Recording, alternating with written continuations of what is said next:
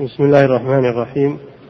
الحمد لله رب العالمين والصلاة والسلام على نبينا محمد وعلى آله وأصحابه أجمعين. أما بعد قال المؤلف رحمه الله تعالى ويضمن مشترك ما تلف بفعله لا من حرزه ولا أجرة له. والخاص بسم الله الرحمن الرحيم. الحمد لله والصلاة والسلام على رسول الله. سبق لنا أن أن الأجير على قسمين. أجير خاص وهو الذي يختص عمله بالمستاجر. يختص عمله للمستاجر لا يشتغل لغيره.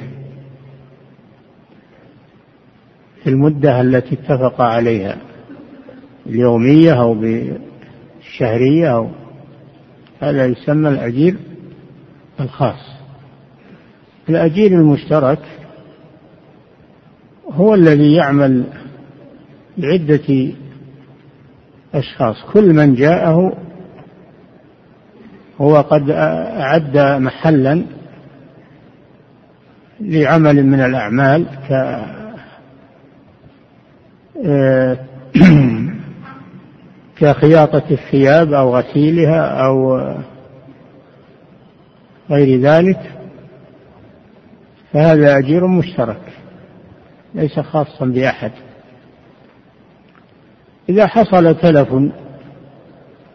مع أحد الصنفين إما الخاص أو المشترك فهل يضمن؟ هذا محل هذه الجملة نعم. ويضمن؟ ويضمن مشترك ما تلف بفعله. يضمن مشترك الأجير المشترك اللي الناس يعطونه ثيابهم أو يعطونه آه، أشغالهم. ما تلف بفعله بسبب فعله إنه يضمنه. وأما ما تلف بغير فعله فإنه لا يضمنه لأنهم ائتمنوه على المال الذي أعطوه إياه ائتمنوه عليه ولم ولم يفرط هو ولم يتعدى الضمان عليه. نعم. ويضمن مشترك ما تلف بفعله لا من حرزه ولا أجرة له. لا من حرزه. إذا صار أنه محطن الثياب بالدولاب ومغلق عليهن جاء واحد وأحرقهن أو كسر الدولاب وأخذهن ما يضمن لأنه ما قصر هو محرزنا هو محرزنا الأغراض. لكن جاء شيء بغير اختياره. هذا لا يضمن. نعم. ولا أجرة له. لكن لا أجرة له لأنه لم يسلم العمل. لأنه لم يسلم العمل الذي قام به لم يسلم للمستاجر. نعم. ولم ولم يسلمه له. لم يسلم له لم يسلم له العين التي اشتغل فيها لم يسلمها له ولم يستلم العمل فلا أجرة له. نعم. والخاص من قدر نفعه بالزمن والمشترك بالعمل. هذا هو تعريف الأجير المشترك من قدر نفعه بالعمل لا بالزمان. والخاص بالعكس من قدر عمله بالزمن. نعم. والخاص من قدر نفعه بالزمن والمشترك بالعمل. نعم. وتجب الأجرة بالعقد ما لم تؤجل. الأجرة العقد عقد الإجارة عقد لازم. ومن إذا تم العقد مستوفيا لشروطه وجبت الأجرة على المستاجر. ولذلك يقولون يسلمها مقدما أو يسلمها مؤخرا أو بعضها مقدم أو بعضها مؤخر. فاستلامه لها أو بعضها مقدما لأنها وجبت بالعقد. وجبت بالعقد. ولكن لا يستحق المطالبة بها المؤجر لا يستحق المطالبة بها حتى ينتهي العمل. نعم. وتجب الأجرة بالعقد ما لم, ما لم تؤجل. نعم. ولا ضمان على مستأجر إلا بتعد أو تفريط. المستأجر الذي سكن الدار أو استلم السيارة يركبها أو يحملها حصل عطب فيها أو في خراب في البيت. إن كان هذا نتيجة من عمله هو فيضمن أما إذا كان ليس من عمله هو فلا يضمن. لأنه أمين. نعم. ولا ضمان على مستأجر إلا بتعد أو تفريط والقول قوله في نفيهما. القول قول المستأجر في نفي التعدي والتفريط. لكن مع يمينه. قوله مع يمينه. نعم. فصل. يعني لو قال قال المؤجر أنت اللي تسببت فيما حصل وقال المستأجر أنا مالي مالي علاقة بما حصل. يقبل قول المستاجر مع يمين لأنه غارم لأن المستاجر غارم فيقبل مع يمينه. نعم. فصل. وتجب المسابقة. على أقدام ها؟ وتجب وتجوز وتجوز المسابقة على أقدام المسابقة. المسابقة هي المغالبة. هي المغالبة. لأجل إظهار الحاذق من المتسابقين. إجراء الحاذق من المتسابقين. تكون على الأقدام تكون على الدواب على السيارات تكون بالسلاح الرمي وعلى الخيل وعلى الإبل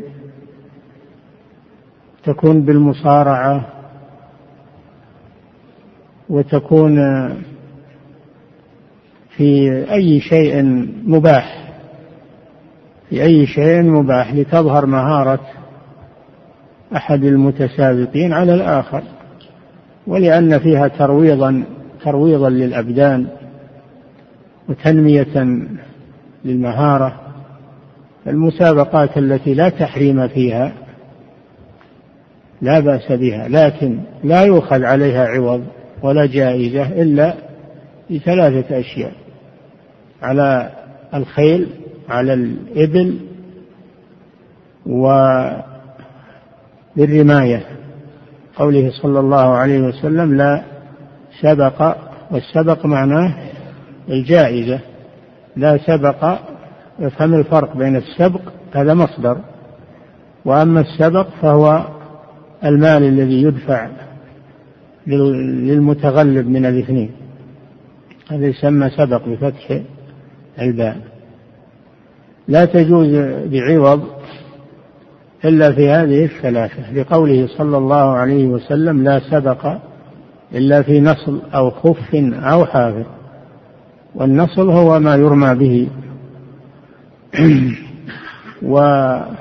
والخف على الإبل والحافر على الخيل لأن هذه من أدوات الجهاد فالتمرن عليها التمرن عليها والمسابقة عليها يدرب على الجهاد في سبيل الله لأن هذه أدوات الجهاد.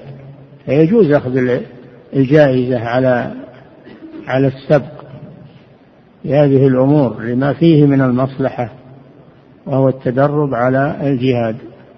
أما أخذ الجوائز على بقية المسابقات كالمصارعة والمسابقة على الأقدام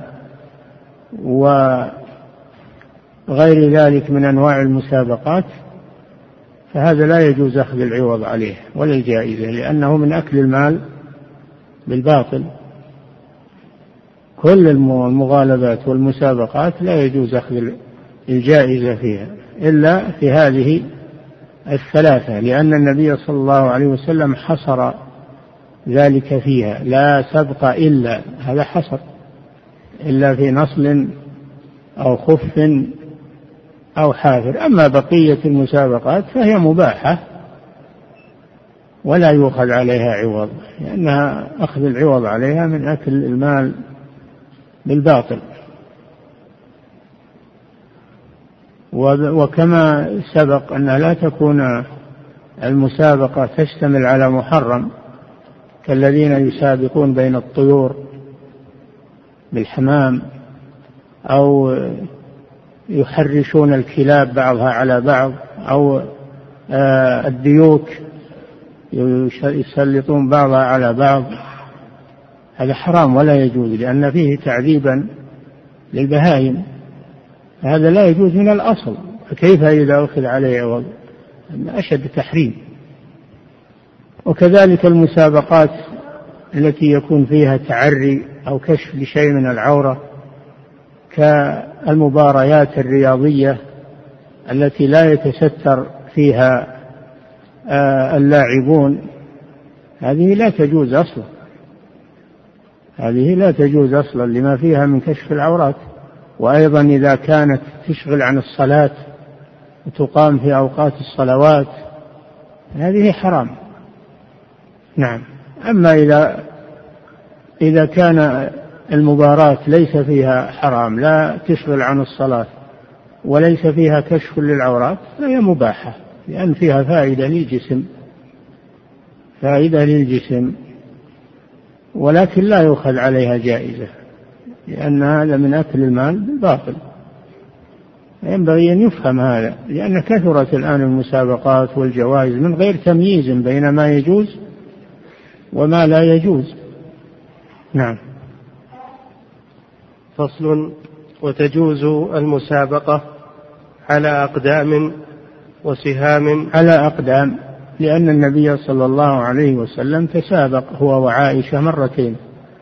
مرة سبقها وفي الأخير سبقته لما كبر سنه عليه الصلاة والسلام وهي شابة سبقته. دل على جواز المسابقة على الأقدام. نعم. على أقدام وسهام. السهام الرماية يعني. نعم. وسفن ومزاريق. وسفن في البحر. سيارات في البر. لا بأس بذلك. لكن بدون عوض. بدون أخذ جائزة. لأن الغرض منها إظهار المهارة فقط. والمزاريق جمع مزراق وهو الرمح. الرمح القصير. نعم. وسائر حيوان وسائر الحيوانات لكن لا يؤخذ العوض إلا على الحيوانات الثلاث. الإبل مسابقة على الإبل المسابقة على الخيل المسابقة في الرماية والإصابة. المسابقة على الخيل المقصود منها تدرب الفارس.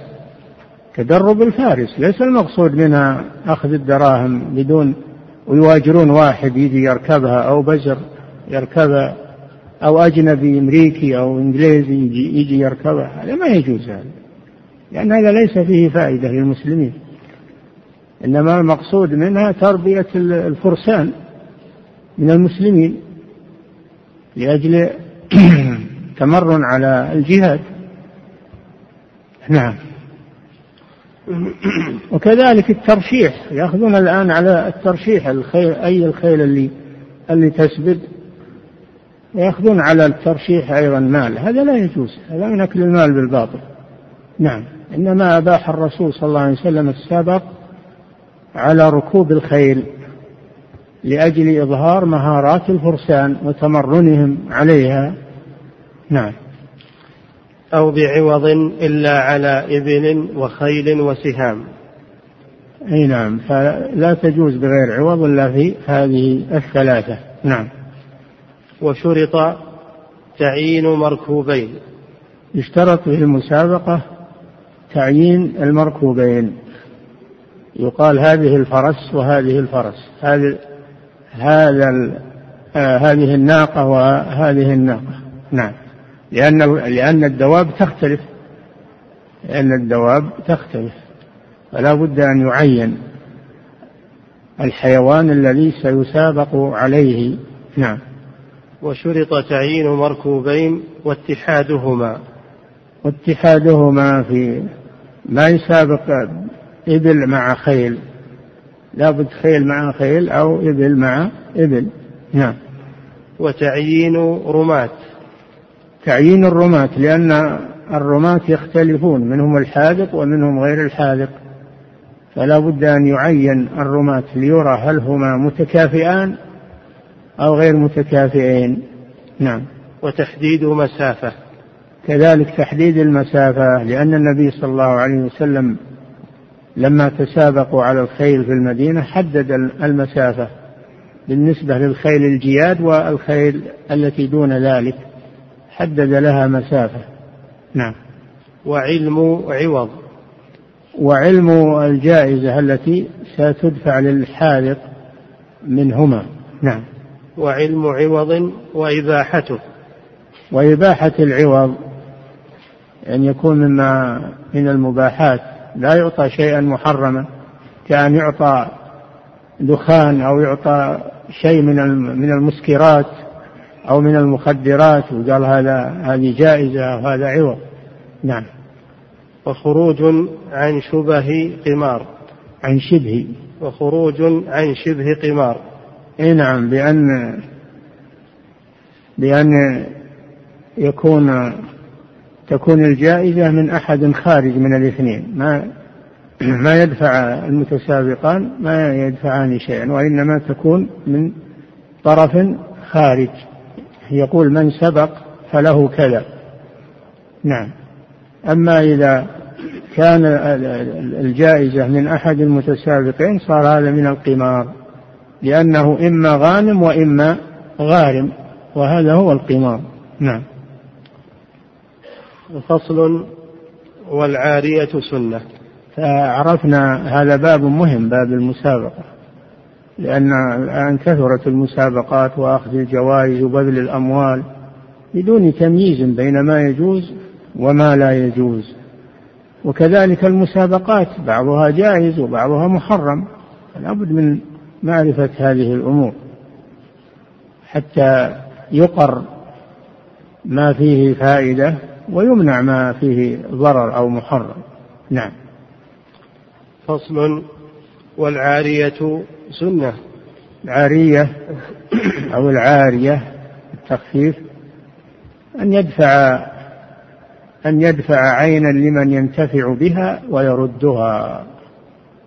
يدفع عينا لمن ينتفع بها ويردها بدون عوض بدون عوض. كأن يدفع السيارة لمن يحمل عليها أو يركبها لمدة كذا أو مسافة كذا ثم يردها. أو تدفع القلم لمن يكتب به ثم يرده عليك. أو غير ذا أو تدفع الماعون لمن يطبخ به ثم يرده عليك. أو الحبل أو الدلو أو غير ذلك. تدفعه لمن ينتفع به ويرده عليك بدون بدون عوض. وهذا فيه أجر. فيه أجر وفي منعه إثم. قال الله جل وعلا ويمنعون الماعون فويل للمصلين. الذين هم عن صلاتهم ساهون الذين هم يراءون ويمنعون الماعون. يعني العارية المراد بالماعون العارية سواء كانت إناء أو حبلا أو دلوا أو غير ذلك. لما في هذا من الإحسان إلى المحتاج. ولا يلحق المعير ضررا وإنما هو نفع فهو يشبه القرض. يشبه القرض. نعم. والعارية سنة.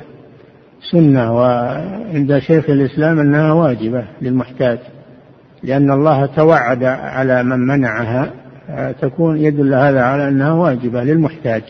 نعم. وكل ما ينتفع به مع بقاء عينه نفعا مباحا تصح إعارته. كل ما ينتفع به مع بقاء عينه أما الذي لا ينتفع به إلا مع تلف عينه فهذا لا يعار. كالطعام تعيره لمن يأكله هذا ما يصلح عارية هذا يتلف. فالشيء الذي يتلف باستعماله هذا لا يعار إنما الشيء الذي ينتفع به ثم يرد. هذه هو هي العارية ويكون النفع مباحا فلا تعير الإناء لمن يطبخ فيه خمرا لأن هذا من التعاون على الإثم والعدوان. أو من يشرب به خمرا هذا لا يجوز لأن هذا من التعاون على الإثم والعدوان. أو تعير الدار لمن يجعلها وكر دعارة أو محل بيع للمواد المحرمة أو الدكان تعيره لمن يبيع به المواد المحرمة؟ هذا لا يجوز. النفع هذا النفع هذا محرم. نعم. وكل ما ينتفع به مع بقاء عينه نفع. هذا الشرط مع بقاء عينه. أما الذي لا يت... لا تبقى عينه مع بعد الانتفاع به هذا لا يعار. نعم. كالطعام مثلا. نعم. وكل ما ينتفع به مع بقاء عينه نفعا مباحا تصح إعارته إلا البضع. إلا البضع يعني إذا صار عنده أمة مملوكة فلا يعير لأنه يباح لسيدها أن يتسرى بها يباح لسيدها أن يتسرى بها لكن لا يعيرها لأن هذا حرام. استمتاع بالفرج في غير في غير عقد نكاح أو ملك يمين حرام. والذين هم فروجهم حافظون إلا على أزواجهم أو ما ملكت أيمانهم. نعم. إلا البضع وعبدا مسلما لكافر. ولا يجوز إعارة عبد مسلم لكافر لما في ذلك من إهانة المسلم واستخدام الكافر للمسلم وهذا حرام. نعم. وصيدا ونحوه لمحرم. أو أن تعير صيدا ونحوه لمحرم لأن الله حرم على المحرم الصيد. نعم. وأمة وأمرد لغير مأمون. يعني لو يتصور مثلا لو أعرت السلاح أو أعرت الكلب كلب الصيد لمحرم هذا لا يجوز لأن انتفاع المحرم به حرام. وقت الإحرام لا يا أيها الذين آمنوا لا تقتلوا الصيد وأنتم حرم. غير محل الصيد وأنتم حرم. نعم. فلا تعيره سلاحا ليصيد وهو محرم أو تعيره كلبا ليصيد وهو محرم. نعم. وأمة وأمرد لغير مأمون. ولا تعير أمة لتخدم عند عند المستعير. إذا كان غير مأمون في عرضه لا تعرها لأن هذا من الإعانة على الباطل. نعم. وأمة وأمرد لغير مأمون وتضمن مطلقا بمثل مثلي وقيمة غيره. إذا تلفت العارية عند المستعير فهل يضمنها؟ على خلاف بين العلماء على ثلاثة أقوال. منهم من يقول يضمنها مطلقا. يضمنها إذا تلفت مطلقا. ومنهم من يقول لا يضمنها مطلقا. ومنهم من يقول بالتفصيل إن شرط ضمانها إن شرط المعير ضمانها يضمنها وإلا فلا يضمنها. نعم. وتضمن مطلقا بمثل مثلي وقيمة غيره يوم تلف. بمثل مثلي وقيمة متقوم. إذا كان المعار له مثل فيرد مثله وإذا كان المعار ليس له مثل فيرد قيمته. نعم. هذا على القول بضمان العارية. والراجح والله أعلم أنها لا تضمن. نعم. يوم إلا, إلا إذا شرط عليه. نعم.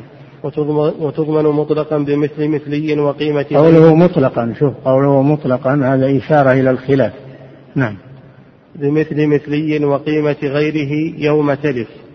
عند تلف ما يقال يوم تستعيره وهي غالية والآن نزل سعرها. فإذا كان يوم يستعيرها غالية الثمن ويوم الرد رخيصة الثمن. متى يضمنها؟ يوم الأخذ ولا يوم الرد؟ يوم الرد. يضمنها يوم الرد. وهو العكس. لو استعارها وهي منخفضة الثمن وعند الرد ارتفع ثمنها يضمنها يوم الرد. نعم. لا إن تلفت باستعمال بمعروف كخمل من شف من شفة. هذا إذا الضمان إنما هو إذا تلفت بغير الاستعمال.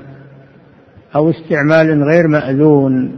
أما إذا تلفت بسبب الاستعمال المأذون به كأن أعارها ليركبها راح يحمل عليها يشيل عليها أحمال ثقيلة. هذا لا ما ما أباحه له. فيضمن لو تلفت. إذا استعملها في غير ما استعارها له يضمن. إذا حصل تلف. يعني هذا من التعدي. نعم. لا إن تلفت باستعمال بمعروف أما إذا استعمل إذا تلفت بسبب الاستعمال الثوب. الثوب تلف من كثر اللبس مثلا. لا يضمن لأنه أذن له باللبس. فهو تلف بما أذن فيه. والمترتب على المأذون غير مضمون كما هي القاعدة. نعم. لا إن تلفت باستعمال بمعروف كخمل من شفة نعم كخمل من شفة من شفة اللي تنشف باليدين لا لها خمل. إذا تلفت من سحلة الخمل بسبب الاستعمال ما يضمنها. نعم. ولا إن كانت وقفا ككتب علم إلا بتفريط. أه؟ ولا يضمنها إن كانت وقفا ككتب العلم كتاب علم مع واحد يقرأ فيه. جاء واحد واستعار منه لا يضمنه إذا تلف. نعم. ولا إن كانت وقفا ككتب علم إلا بتفريط. إلا بتفريط. لو أنه فرط وسرق الكتاب أو احترق أو غير أو حصل له أو أصابه آه، ماء خلاه في مكان غير مأمون تلف يضمن أما إذا كان في مكان مصون حصل عليه تلف فلا يضمن. نعم. ولا إن كانت وقفا ككتب علم إلا بتفريط وعليه مؤونة ردها. نعم إذا كان رد العارية يحتاج إلى مؤونة فعلى المستعير. اللي يتحمل المؤونة هو المستعير. كأن استعار شيئا يحتاج إلى نقل يحتاج إلى نقل وانتهى منه خلص شغله منه وأراد أن يرده ورده يحتاج إلى نقل وتحميل. يكون على المستعير لأنه قبضها لنفعه فيرد ويتحمل يتحمل نفقة الرد. نعم. وإن أركب منقطعا لله لم يضمن. هو مستعير الدابة مستعير الدابة للركوب. بينما هو في الطريق رأى شخصا منقطعا في الطريق فأسعفه وحمله معه ترتب على حمله أنها تلفت الدابة. فلا يضمن في هذا. نعم. فصل. والغصب كبيرة. الغصب هو الاستيلاء على ملك الغير. بغير حق. الاستيلاء على ملك الغير بغير حق. هذا هو الغصب والظلم. وقد جاء التحذير من الغصب كما في قوله صلى الله عليه وسلم من اغتصب شبرا من الأرض طوقه يوم القيامة من سبع اراضين من اغتصب شبرا من الأرض. فكيف إذا اغتصب أرضا كثيرة وقهر صاحبها وأخذها؟ فانه يطوق بها يوم القيامة. وله من طبقة واحدة من سبع أراضين لأن الأراضين سبع من السماوات. فيمد في عنقه والعياذ بالله تعذيبا له ويطوق هذه الأرض التي أخذها بغير حق. وكذلك سائر الأموال. لا يجوز للإنسان أن يغصب أموال الناس ويظلمهم. هذا من التعدي. نعم. والغصب كبيرة. نعم. فمن غصب كلبا يقتنى أو خمر ذمي محترمة ردهما لا جلد ميتة. وإتلاف إذا إذا غصب يجب على الغاصب رد الغصب. يجب على الغاصب التوبة إلى الله ورد الغصب إلى من اغتصبه منه. هذا إذا كان مالا وكذلك الاختصاص لأن هناك شيء ليس مالا وإنما هو مختص ينتفع به كالكلب كلب الصيد. هذا ليس مالا ولا يباع لكن له أن ينتفع به فهو من اختصاصه الانتفاع به من, من اختصاصه. يجوز أن يعيره لمن يصيد به. يجوز أن يعيره لمن يصيد به. ولكن لو تلف فإنه لا يضمنه لأنه لا يجوز بيعه فكذلك لا يجوز ضمانه بالغصب. نعم. لا. فمن غصب أو نعم. فمن غصب كلبا يقتنى أو خمر ذمي محترمة. ردهما. لا نعم. جلد لا جلد ميتة. آه، إذا غصب كلب الصيد يجب عليه رده ولا يقول هذا كلب والكلاب ما ما هي ما هي بلحد. لا كلب الصيد له خاصية. كلب الصيد له خاصية ينتفع به فيجب عليه رده. لكن لو تلف إنه لا يضمنه. وكذلك الخمر التي للذمي للذمي الخمر حرام على المسلمين لكن الذمي يستحلها. فهي مال عنده. فهي مال عنده. فيردها. يردها إليه. نعم. أو خمر ذمي محترمة ردهما. محترمة يعني لأن لأن أهل الذمة يستحل يستحلونها ويشربونها. وهم أقروا شوف ذمي ذمي أقر على تملكها وشربها. أما الكافر غير الذمي فإنها تتلف الخمر. وكذلك المسلم تتلف الخمر بالنسبة للمسلم وبالنسبة للكافر. غير الذمي تتلف الخمر ولا قيمة لها. لكن الذمي لما عاقدناه على أن نقره على ما هو عليه ومن ذلك شرب الخمر فإنها, فإنها تضمن إذا تلفت ولا يجوز له يستعيرها لكن لو استعارها وتلفت يضمنها. نعم.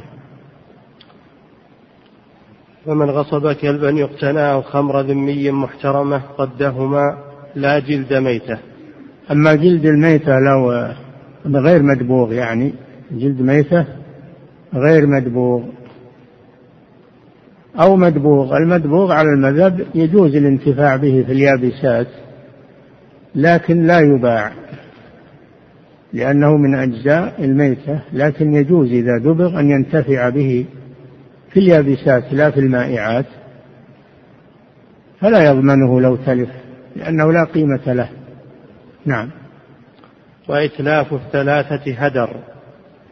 إتلاف الثلاثة جلد الميتة كلب الصيد آه، خمر الذمي هدر نعم وإن استولى على حر مسلم لم يضمنه بل ثياب صغير وحليه وإن وإن استولى على حر مسلم لم يضمنه بل, ثياب بل نعم. ثياب صغير وحليه وإن استعمله. لو لو استولى على حر مسلم على حر مسلم وتلف عنده لم يضمنه إلا إذا كان ربطه وبسبب ربطه احترق أو أصابته صاعقة فإنه يضمن بالدية.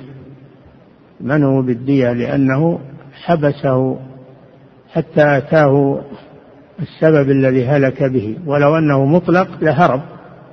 يكون متسببا في في قتله فيضمنه. نعم. وإن استولى على حر مسلم لم يضمنه بل ثياب صغير وحليه. نعم. وإن استعمله كرها لأن لأن الثياب مال والمال يضمن والحر ليس بمال فلا يضمن. نعم. وإن استعمله كرها أو حبسه فعليه أجرته فعليه أجرته كقن. لو استولى على حر يشتغل ويكتسب جاءوا وامسكه وامنعه من الاكتساب مدة يلزمه أجرة المثل لأنه فوت عليه المنفعة في المدة التي أمسكه فيها وحرمه من الاكتساب. نعم. وإن استعمله كرها أو حبسه فعليه أجرته كقن. وإن استعمله خلاه يشتغل عنده كرها كرها. أما إذا وافق المغصوب واشتغل طوعا فلا ضمان أما إذا أجبره على الاشتغال فإنه يدفع أجرة آه، المثل لأن منفعته مضمونة. نعم. وإن استعمله, وإن استعمله كرها أو حبسه فعليه أجرته كقن أو حبسه عن الاكتساب فلا عليه أجرة المثل. نعم. وإن استعمله كرها أو حبسه فعليه أجرته كقن. مثل المملوك. الحر يكون مثل المملوك. تضمن منفعته. فإذا حبسه عن الكسب فإنه يعطيه أجرة المثل. لتفويت المدة عليه والمدة لها قيمة لأنه يكتسب ويعمل. نعم. ويلزمه رد مغصوب بزيادته. نعم إذا زاد المغصوب عنده غصب دابة سمنت أعلفها وأكرمها وسمنت وزادت قيمتها يردها بزيادتها. لأن هذا تابع للعين النماء تابع للعين. أو دابة فولدت غصب دابة فولدت يردها ولدها لأن هذا من نمائها وهي على ملك صاحبها. نعم. وإن نقص لغير تغير لغير تغير سعر فعليه أرشه. وليس للغاصب شيء. ما اتجر به أو أو صاد. أو صاد يعني غصب كلب صيد. غصب كلب صيد. فصاد به فإن الصيد يكون لمالك الكلب لا للغاصب لأنه من كسب ملكه. نعم. أو حصد به. أو حصد به. غصب شيئا وحصد به الزرع. غصب مثلا مخالب أو أو اليوم مكينة الحصد الحصاد المكينة استعملها وحصد بها. حصد بها شيئا مباحا مثل العشب أو الأشياء المباحة. فما حصد حصده بها يكون لمالك الآلة. لمالك الآلة لا للغاصب. لأن عمل الغاصب هدر. وما نتج عن عمله بالآلة يكون لصاحب الآلة. لو حصد بالمخالب أو بالمكنة حصد من المباح من المباح في الأرض الموات أو أو احتطب به جمع حطبا فإنه كله يكون للغاصب للمالك. لمالك المغصوب. نعم. ولو غصب ما اتجر أو صاد أو حصد به فمهما حصل بذلك فلمالكه. وإن خلطه بما لا يتميز أو صبغ الثوب فهما شريكان بقدر ملكيهما. إذا خلطه بشيء فإن كان يمكن عزل ملك الغاصب من ملك المغصوب فإنه يعزل ويسلم المغصوب ما له مع ضمان ما يحصل عليه من نقص. ما إذا كان لا يمكن فصل المالين مال الغاصب ومال المغصوب كأنه صبغ صبغ الثوب. الصبغ هذا للماء للغاصب ومال والثوب لصاحبه. ولا يمكن فصل الصبغ منه. يشتركان كل على قدر ماله. نعم. وإن خلطه بما لا يتميز أو صبغ الثوب فهما شريكان بقدر ملكيهما وإن نقصت القيمة ضمن. وإن نقصت القيمة بسبب تصرفه قيمة المغصوب بسبب خلطه معه بسبب خلطه ماله معه فإنه يضمن النقص. نعم. فصل.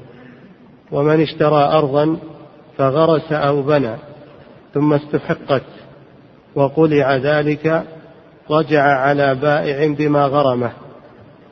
انتهى الغصب.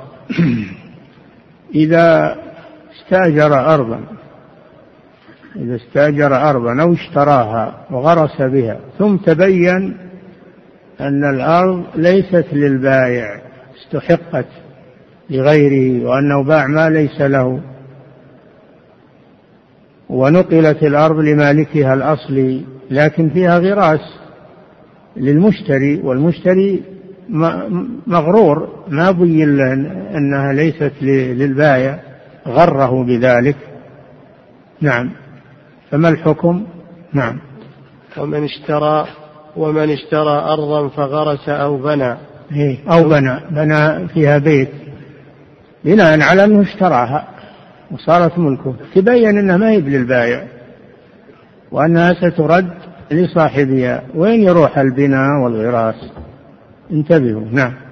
ومن اشترى أرضا فغرس أو بنى ثم استحقت وقلع ذلك رجع قلع يعني قلع الغرس طالب صاحب الأرض التي الذي ردت إليه أرضه طالب بإخلائها من الغراس ومن البناء. فإن الغرامة تكون على البايع لأنه هو الذي غر المشتري. نعم. وقلع ذلك رجع على بائع بما غرمه. غرمه. بما غرمه. نعم. وإن أطعمه لعالم بغصبه ضمن آكل. نعم. وإن أطعمه لعالم بغصبه ضمن آكل. إذا غصب طعام غصب طعاما جاء إنسان وقدمه له فأكله أكله الضيف مثلا أو المعزوم عزم عليه واحد وكله أكله وهو مغصوب. إن كان إن كان الآكل عالما أن هذا مغصوب فإنه يضمنه. وإن لم يكن عالما فإن الغاصب هو الذي يضمن. نعم.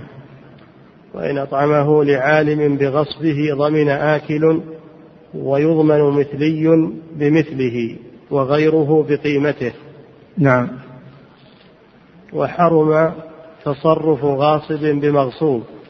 تصرفات الغاصب كلها حرام سواء سكن حتى قالوا إنها ما تجوز الصلاة في الأرض المغصوبة فلا يجوز له يصلي بالدار المغصوبة. صلاته من العلماء من يرى أنها باطلة ومنهم من يرى أنها صحيحة مع الإثم. فلا تجوز تصرفات الغاصب كلها حرام وكلها مضمونة عليه. نعم. وحرم تصرف غاصب بمغصوب ولا يصح عقد ولا عبادة. ولا ولا يصح عقد ولا عبادة. لو أنه باع باع المغصوب ما يصح البيع. لأنه ليس مالكا له ولا عبادة. آه، لو صلى فيها ما تصح عبادته. نعم. والقول في تالف وقدره وصفته قوله. قول الغاصب لأنه غارم. نعم. وفي رده وعيب فيه قول ربه. وإذا ادعى أنه رده وأنكر المغصوب منه الرد فقول المغصوب منه. يقبل قول المغصوب منه لأن الأصل عدم الرد إلا إذا أثبته ببينة. نعم. وفي رده وعيب فيه قول ربه. ومن و... وإذا ادعى ربه يعني صاحبه أن الغاصب عيبه وأنكر الغاصب قال أبدا أنا ما أحدثت فيه عيب. فقول ربه. نعم. ومن ومن بيده غصب أو غيره وجهل ربه فله الصدقة به عنه بنية الضمان. نعم. هذه مسألة. إذا غصب مالا إذا غصب مالا أو أرضا أو ثيابا أو أي شيء ثم جهل المغصوب منه ما يدرى وين راح حتى يرد عليه وهو تاب إلى الله. الغاصب تاب إلى الله ويريد أن يرد لكن صاحب المال ما, ما يعلم وين راح ولا يدري. فإنه يتخلص منه تخلص منه بالصدقة به علانية أن الأجر لصاحبه. ولو جاء يوما من الدهر وطلب طلب الرد يرد عليه مثله. نعم. ومن بيده غصب أو غيره. أو غير غصب حتى لو واحد أودع عندك مال أو أو استدنت منه مالا أخذت منه مال دينا أو قرضا وما تدري ورح اختفى. ما تدري ورح بحثت عنه وأعلنت عنه وسألت عنه ولم تعثر له على خبر وأنت عندك له مال إما مغصوب وإما وديعة وإما دين عليك له. فماذا تعمل؟ تتصدق به من باب التخلص ويكون الأجر لصاحبه. ولو جاء وطالب به فإنك تضمنه وتكون الصدقة لك أنت. نعم. ومن بيده غصب أو غيره وجهل ربه جهل. وجهل ربه فله الصدقة به عنه بنية الضمان. بنية الضمان أنه لو جاء أي يوم طالب أنه يعطيه حقه ويكون أجر الصدقة له هو. يخيره يقول أنا تصدقت فأنت بالخيار إن شئت أعطيتك بدله ولي الصدقة وإن شئت أن تمضيها صدقة ولك الأجر فلك ذلك. نعم. فله الصدقة به عنه بنية الضمان ويسقط إثم غصب. لأنه تاب لأنه تاب في هذا ولا يستطيع أكثر من هذا. بحث عن صاحبه ولم يجده. نعم. ومن أتلف ولو سهوا محترما ضمنه. هذا ضمان المتلفات خله لدرس آخر. نعم نعم.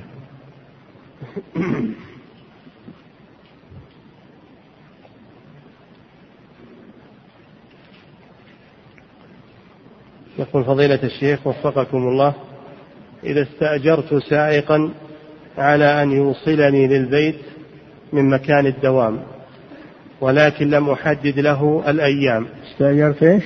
إذا استأجرت سائقا نعم. على أن يوصلني للبيت من مكان الدوام ولكن لم أحدد له الأيام بل قلت له كلما اتصلت بك تأتي فما الحكم في ذلك؟ سيارة من هي لك ولا للسائق استأجرت السائق بس والسيارة لك؟ أو استأجرت السائق والسيارة؟ وش يقول؟ ولم إيش؟ يقول بل قلت له كل ولا ولا ولكن لم أحدد له الأيام بل قلت له كلما اتصلت بك تأتي. لا ما يصلح هذا. لازم يقول شهر تنقلني لبيتي من مكان العمل والعكس من بيتي إلى العمل. لمدة شهر لمدة سنة لا بد من بيان المدة. نعم. يقول فضيلة الشيخ وفقكم الله إذا اشترط المؤجر على المستأجر أن يصلح ما أفسده فهل يصح هذا الشرط؟ لا. لأنه مأذون له بالانتفاع فكيف تطالبه؟ أنت ما أذن له بالانتفاع واخذ من الإجرة. فكيف تطالبه بفساد ما صلح؟ ما يحتاج شرط. إن كان متعدي فهو يضمن بدون شرط. وإن كان لم يتعدى فلا ضمان عليه. دفع لك الإجرة كيف تأخذ مرة ثانية؟ نعم. يقول فضيلة الشيخ وفقكم الله إذا كنت مستأجرا لدار نعم إذا كنت مستأجرا لدار وقمت ببعض الإصلاح فيها وكان الإصلاح هذا ضروريا. فهل يخصم هذا الإصلاح من قيمة الأجار؟ وهل لا بد لا لا يا أخي تفاوض مع صاحب الدار. يلا تبي تشتغله؟ ولا أشتغله أنا وتسلم لي المؤونة؟ لازم تتفق معه.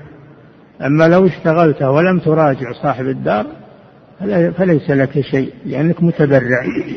نعم. يقول فضيلة الشيخ وفقكم الله. وهذا بخلاف الدابة المستأجرة.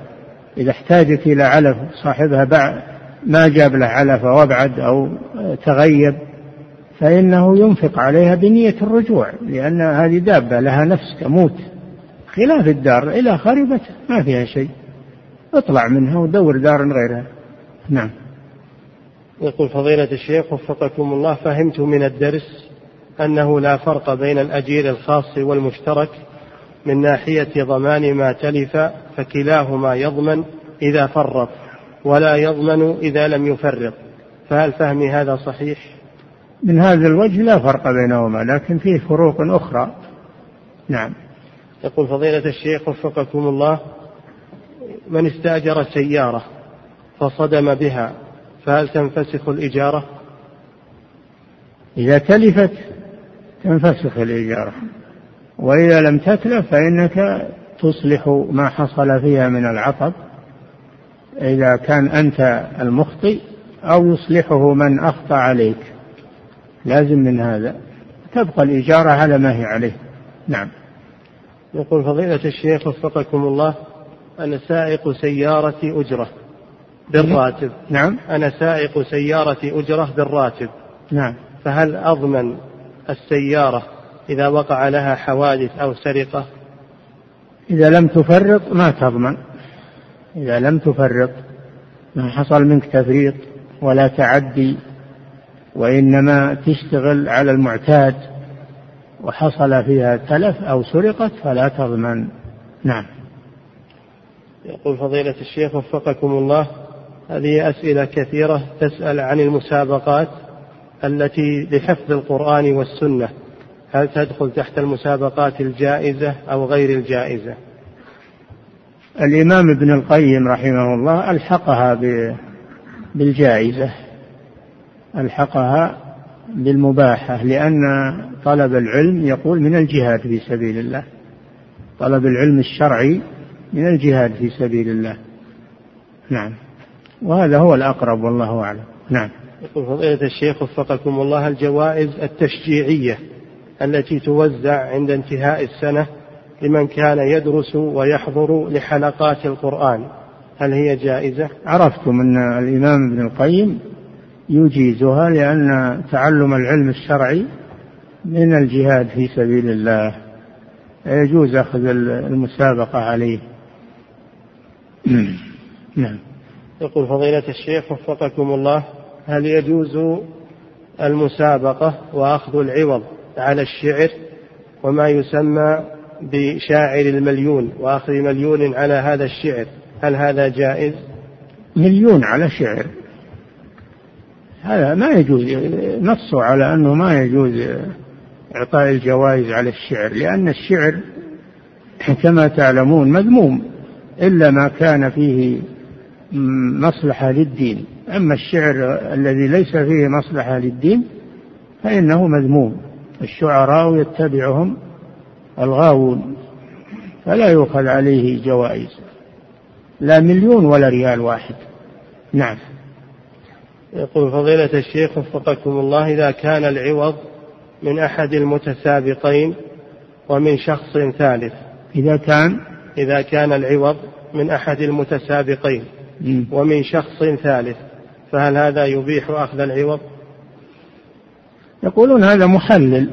يكون محلل. إذا دخل معهم طرف ثالث يكون هذا محلل. يسمونه المحلل فيجوز عندهم. نعم. يقول فضيلة الشيخ وفقكم الله هل يؤخذ العوض على المسابقة بالخيل والإبل وهي لا تستخدم في الجهاد الآن؟ نعم يؤخذ عليها لعموم الحديث. لعموم الحديث. ولأنها يحتاج إليها. ما, ما يستغنون الناس عنها. وفي أمكنة ما تصل إليها. ما تصل إليها المركبات. ما يصل إليها إلا الدواب. فيحتاج إليها. وقد قال صلى الله عليه وسلم الخيل معقود في نواصيها الخير إلى يوم القيامة. نعم. يقول فضيلة الشيخ وفقكم الله أخذ العوض على المسابقة في الأسلحة الحديثة كالرماية بالرصاص. هل هي مباحة؟ بلا شك. الرماية بالقنابل بالرصاص بالطائرات. كله يدخل في في الرماية. والرماية تختلف في كل زمان بحسبه قال تعالى وأعدوا لهم ما استطعتم من قوة. والقوة تختلف في كل زمان بحسبه. يجوز أخذ العوض على المسابقات عليها. نعم. يقول فضيلة الشيخ وفقكم الله البغال هل تقاس على الخيل في أخذ العوض وجواز ذلك؟ لا لا البغال ولا الحمير ما يؤخذ على المسابقة عليها عوض. لكن يجوز المسابقة عليها بدون عوض ما يخالف. نعم. يقول فضيلة الشيخ وفقكم الله تعمل المدرسة يقول عندهم دوري لكرة القدم بين الفصول. والفائز يأخذ كاسا أو درعا أو شيئا من الجائزة فهل هذا جائز؟ لا إذا كان له قيمة فليس بجائز. إذا كان ما له قيمة إنما هو شيء رمزي ولا له قيمة هذا وجوده كعدمه نعم. الكاس وش فائدته هذا؟ لا هو بيشربه ولا ي... ما ما له فائدة نعم.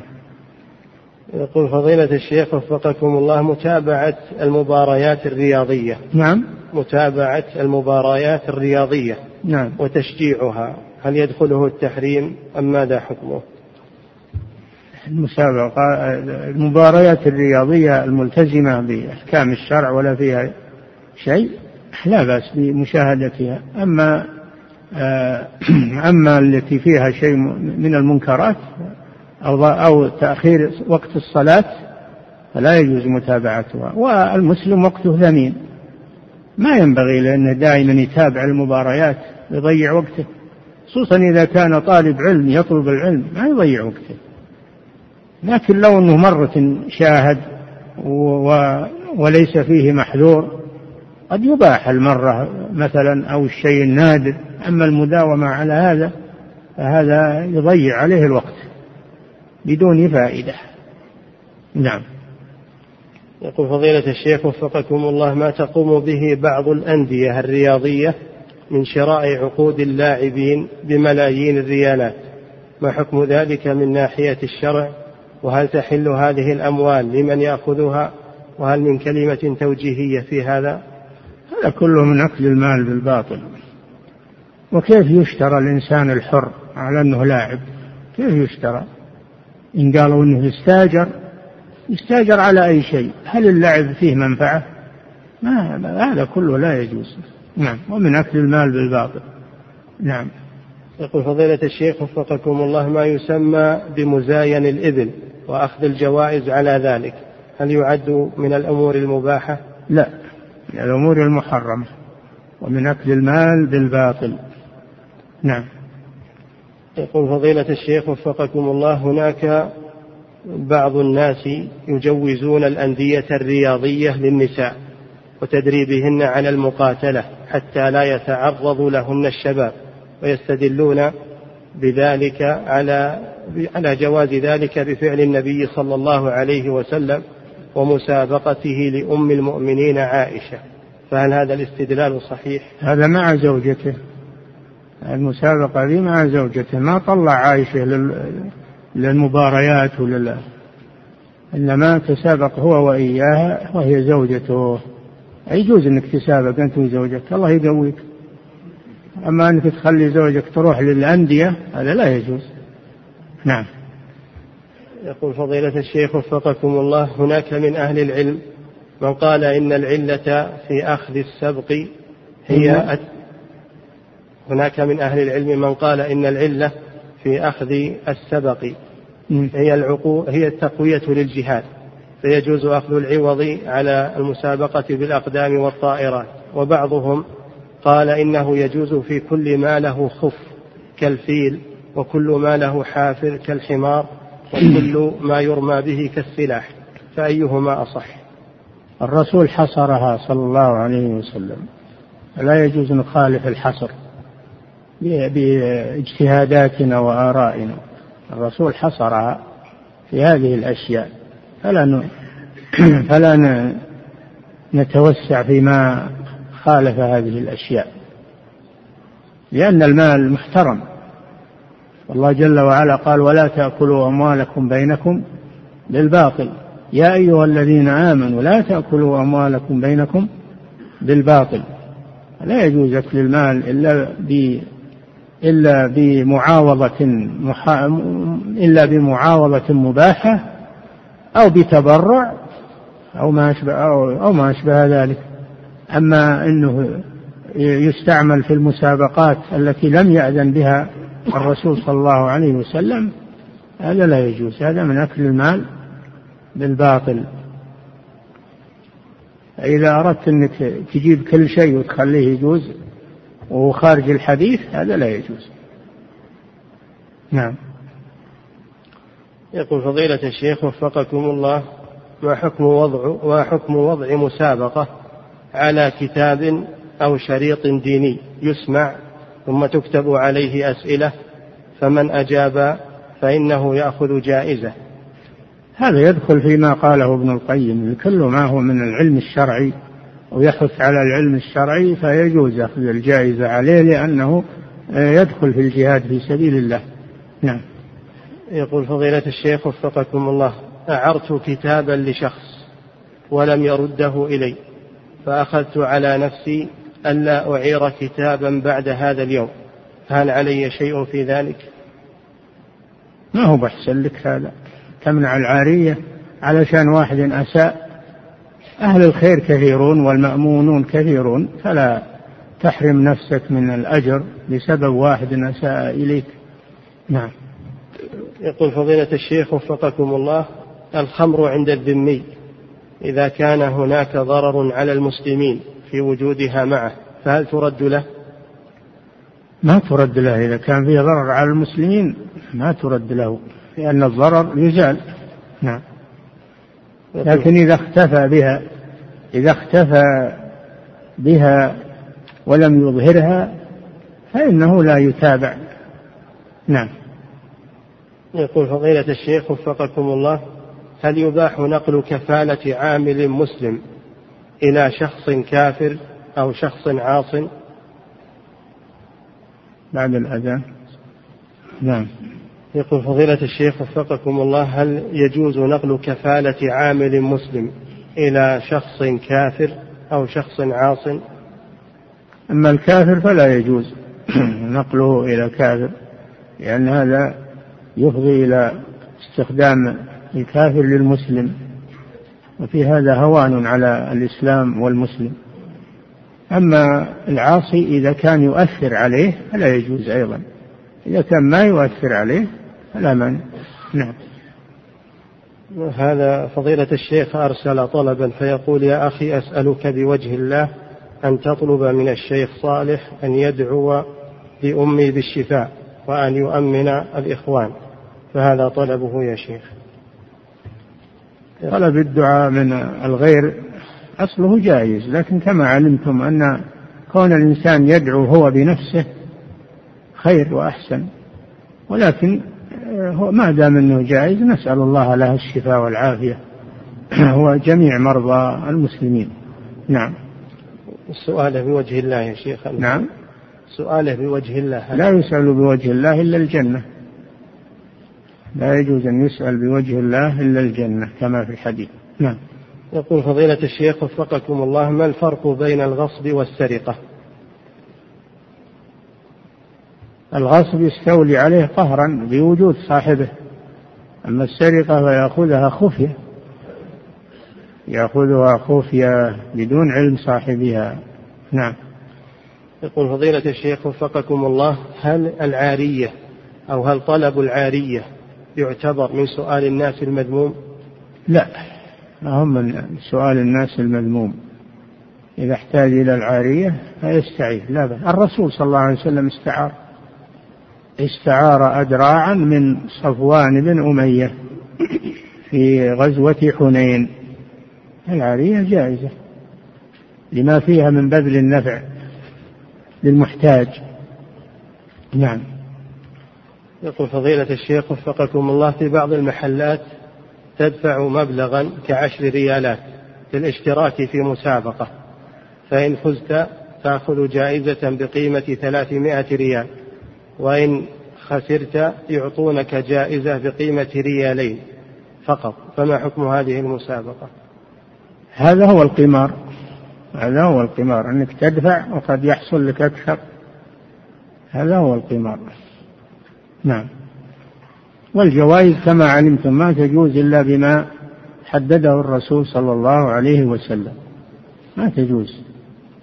لأنه من أكل المال بالباطل. نعم.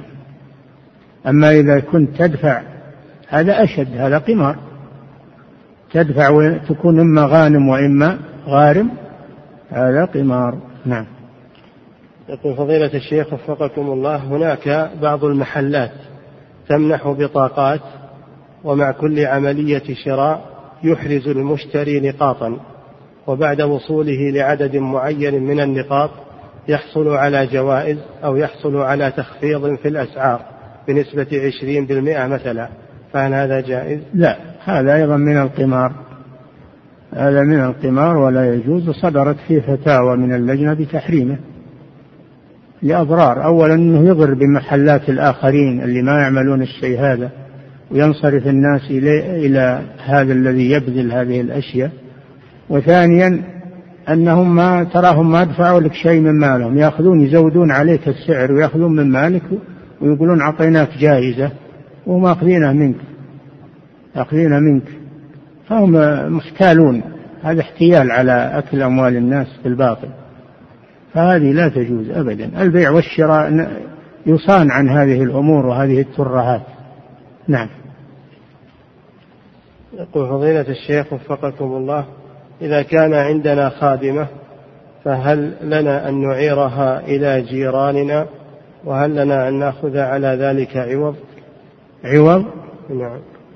لا العوض لا ما ما تأخذون عليها عوض. ولكن إذا كان الجيران مأمو مأمونين إذا كان الجيران مأمونين عليها فلا مانع من ذلك. نعم. يقول فضيلة الشيخ وفقكم الله إذا اشترى أرضا من شخص وبنى فيها. ثم تبين أن الأرض ليست للبائع. نعم. ورضي صاحب الأرض الأصلي بهذا البناء.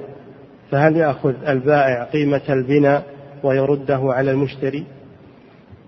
هذا باختيار لا البائع ما لكن صاحب صاحب البناء هو اللي بالخيار. إن شاء تركه وأخذ مقابل تكاليفه وإن شاء هدمه وأخذ أنقاضه. وغراسه وأخلى أرض صاحب الأرض. نعم. فالخيار في هذا إنما هو لصاحب الغراس والبناء. نعم. يقول فضيلة الشيخ وفقكم الله ما الراجح في مسألة الصلاة في الدار المغصوبة؟ وما حكم المسح على الخفين المغصوبين؟ لا يجوز المسح على الخفين المغصوبين ولا يجزي. ما يجزي هذا لأن الخف ليس لك فلا تستعمل الرخصة فيه. وكذلك الصلاة في الدار المغصوبة لأنك تنتفع بها تنتفع بها بغير إذن صاحبها. هذا ظلم. فلا تصح الصلاة في الدار المغصوبة. نعم. يقول فضيلة الشيخ وفقكم الله هل يجوز غصب مال الكافر في دياره عن طريق الانترنت المنتشر في هذه الأيام وأن أنفق ذلك المال الذي اغتصبته من الكفار على فقراء المسلمين. ما جلبت للمسلمين خيرا. لا يجوز هذا. أموال الكفار ما تستباح إلا بالجهاد. الجهاد في سبيل الله على وجه الغنيمة أو الفيء. ما تستباح إلا بالجهاد في سبيل الله غنيمة أو فيئا أما خيانتهم وسرقتهم وهذا لا يجوز. نعم. يقول فضيلة الشيخ وفقكم الله ما المراد أو ما معنى حديث الرسول صلى الله عليه وسلم؟ من اقتطع شبرا من الأرض طوقه الله من سبع أراضين. معناه واضح. معناه تحريم الغصب وبيان شدة عقوبته. وأنه يطوق هذا يوم القيامة تعذيبا له والعياذ بالله وفضيحة له. نعم. يقول فضيلة الشيخ وفقكم الله سائق أجرة يأخذ راتبا 1500 ريال شهريا. سائق؟ سائق أجرة يأخذ راتبا مقداره 1500 ريال شهريا لكن يفرض عليه صاحب السيارة أن يدفع طيلة ستة أيام في الأسبوع 150 ريالا يوميا للمكتب سواء عمل أو لم يعمل. والزيادة عن المئة والخمسين هي ملك للسائق. السؤال هل يجوز للمكتب أن يفرض على السائق أن يدفع هذا المبلغ المعين يوميا؟ لا يجوز له هذا.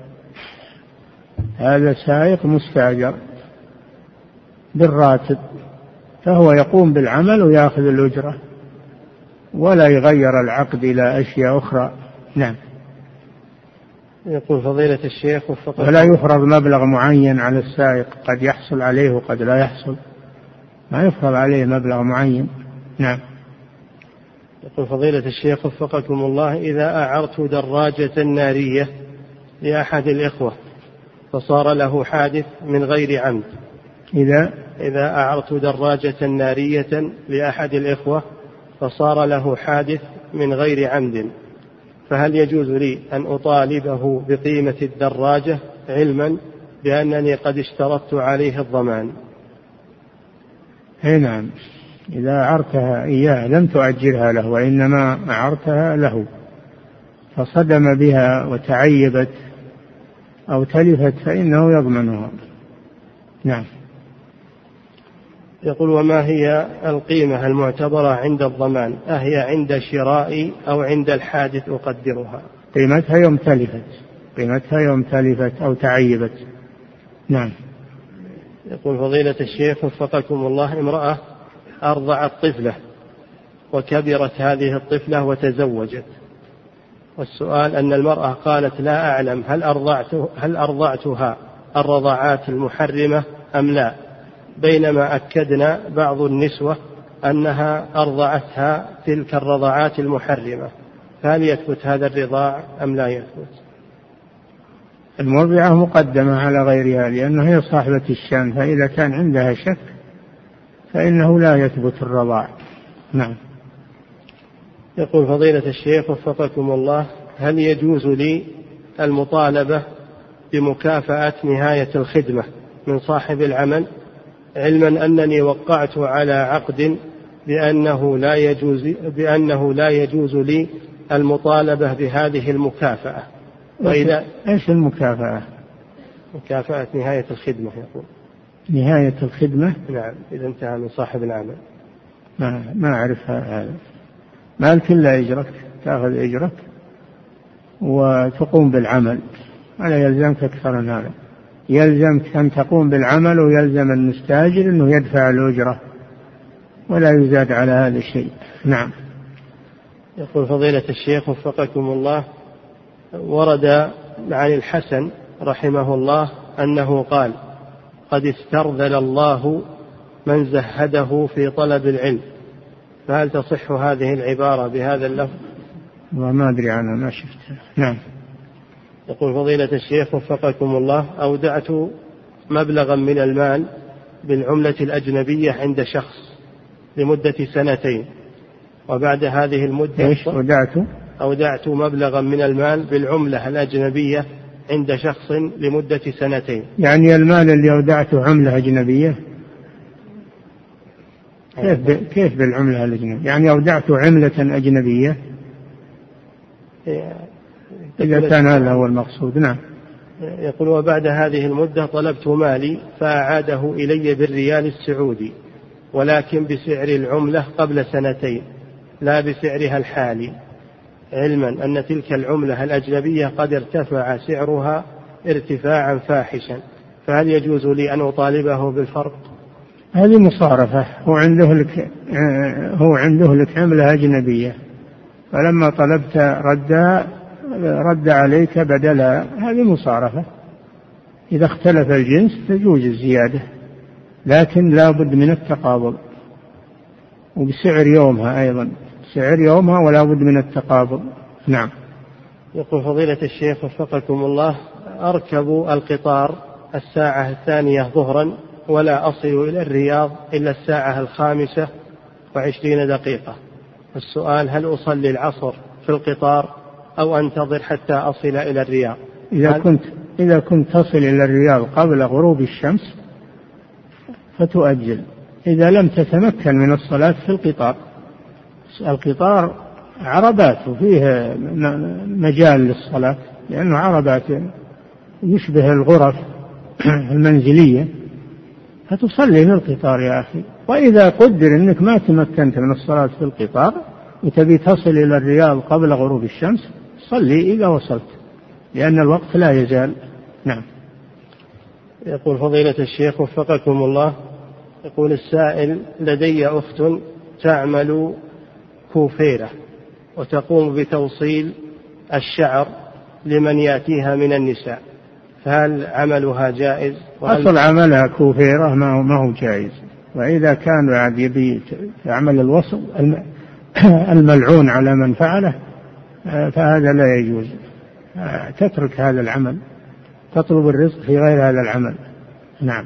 يقول فضيلة الشيخ وفقكم الله قص شعر النساء إلى ما تحت شحمة الأذن هل هو جائز؟ هذا لا يجوز إلا إذا كانت ما تريد الزواج مثل زوجات النبي صلى الله عليه وسلم. فإنهن إنما قصصن شعورهن لأنهن لا لا يجوز أن يتزوجن بعد الرسول صلى الله عليه وسلم.